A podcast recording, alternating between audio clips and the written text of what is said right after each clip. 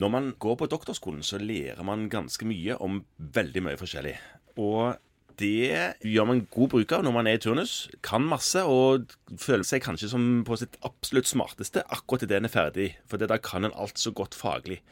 Men når en er allmennlege og kommer ut på allmennlegekontor og skal lage business der, så finner man fort ut at man lærte ingenting om personalansvar. Man lærte ingenting om hvordan man skal drive økonomi i dette, og man lærte heller ingenting om juss og lover og regler og sånn. Det fins et vell av de. Det fins enormt mye av Ja. det. Og Derfor tenkte jeg at vi skulle spørre en som kan ganske mye mer i alle fall enn meg, og sikkert enn deg òg, Kristian, om dette med lover og regler. Det vil jeg tro. Ja, Cato Inadal, velkommen i studio. Takk skal du ha.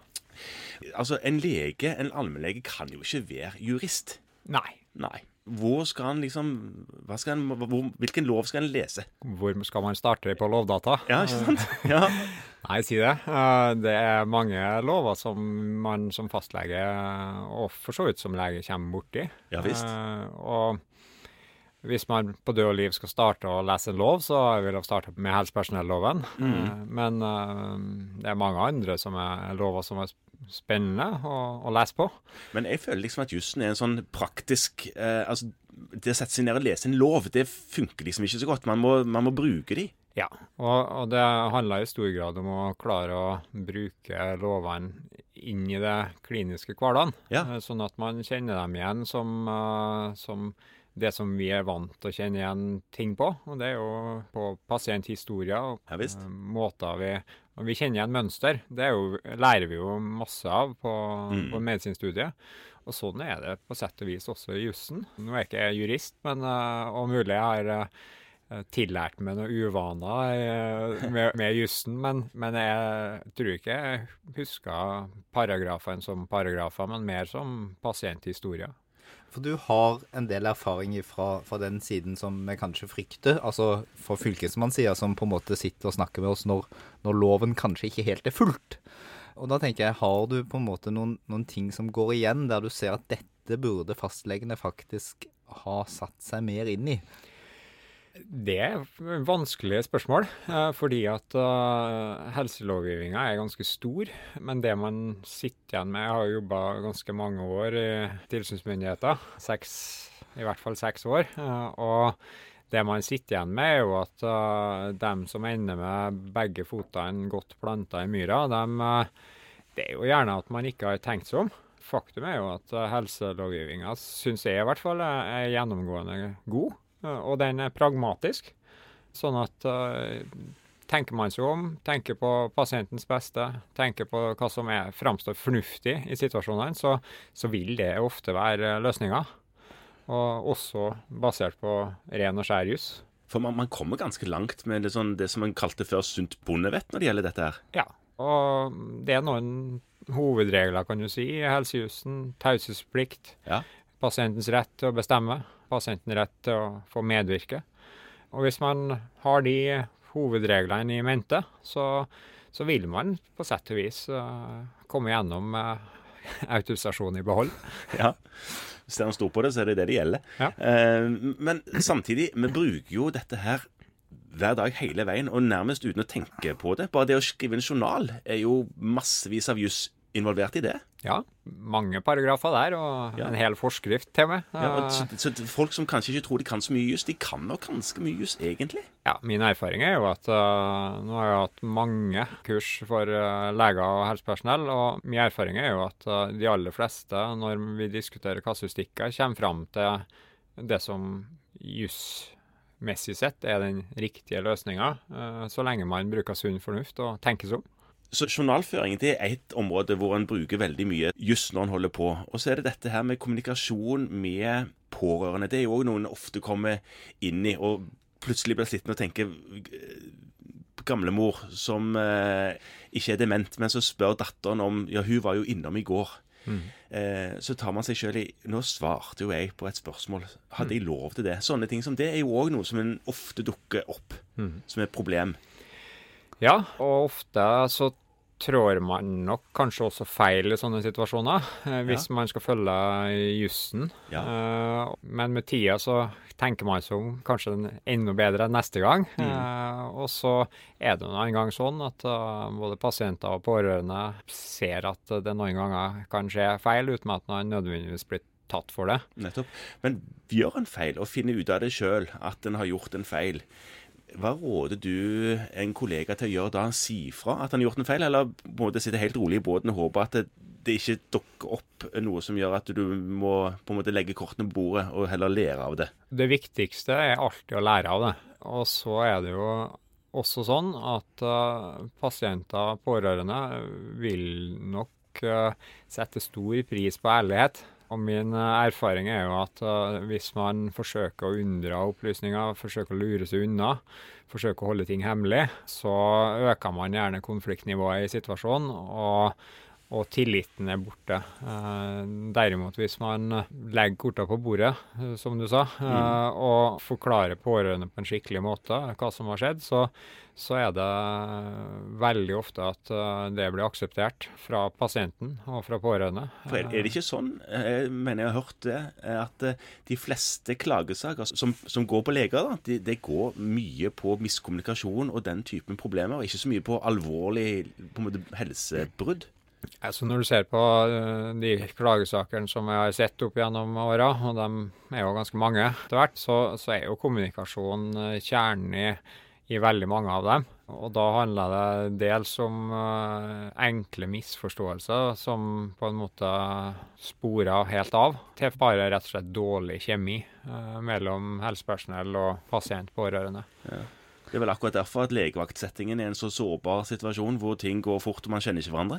Ja, og i tillegg så er det jo gjerne sånn at uh, man på legevakt også har uh, en økt uh, Altså det er flere menn som har legevakt. Det er gjerne fremmedspråklige. Og alt det der borger jo for litt kvassere konsultasjoner og, og, litt lettere at det blir misforståelser. En annen stil i konsultasjonen kan du kanskje se for seg? Ja, altså ja. det er jo utvilsomt sånn at uh, menn, mannlige leger, får flere klagesaker på seg enn kvinnelige leger. og det kan nok ha med måten man kommuniserer på. Ja. Spennende. Det visste ikke jeg. Nei, men jeg tror kvinner bruker Det vet jeg ikke, så det er kanskje farlig å si, men er stemmer det at kvinner bruker mer tidstakst enn menn? Det veit jeg ikke. ikke men, men, det jeg veit, skulle jeg si, var at Helsetilsynet gjorde en undersøkelse en gang i tida som kikka på hva som betegna leger som hadde fått klage på seg, versus dem som ikke hadde fått klage. Og, og det som stakk seg ut som en av forskjellene, var jo at de legene som ikke hadde klageerfaring, brukte et minutt eller to lenger på pasienten.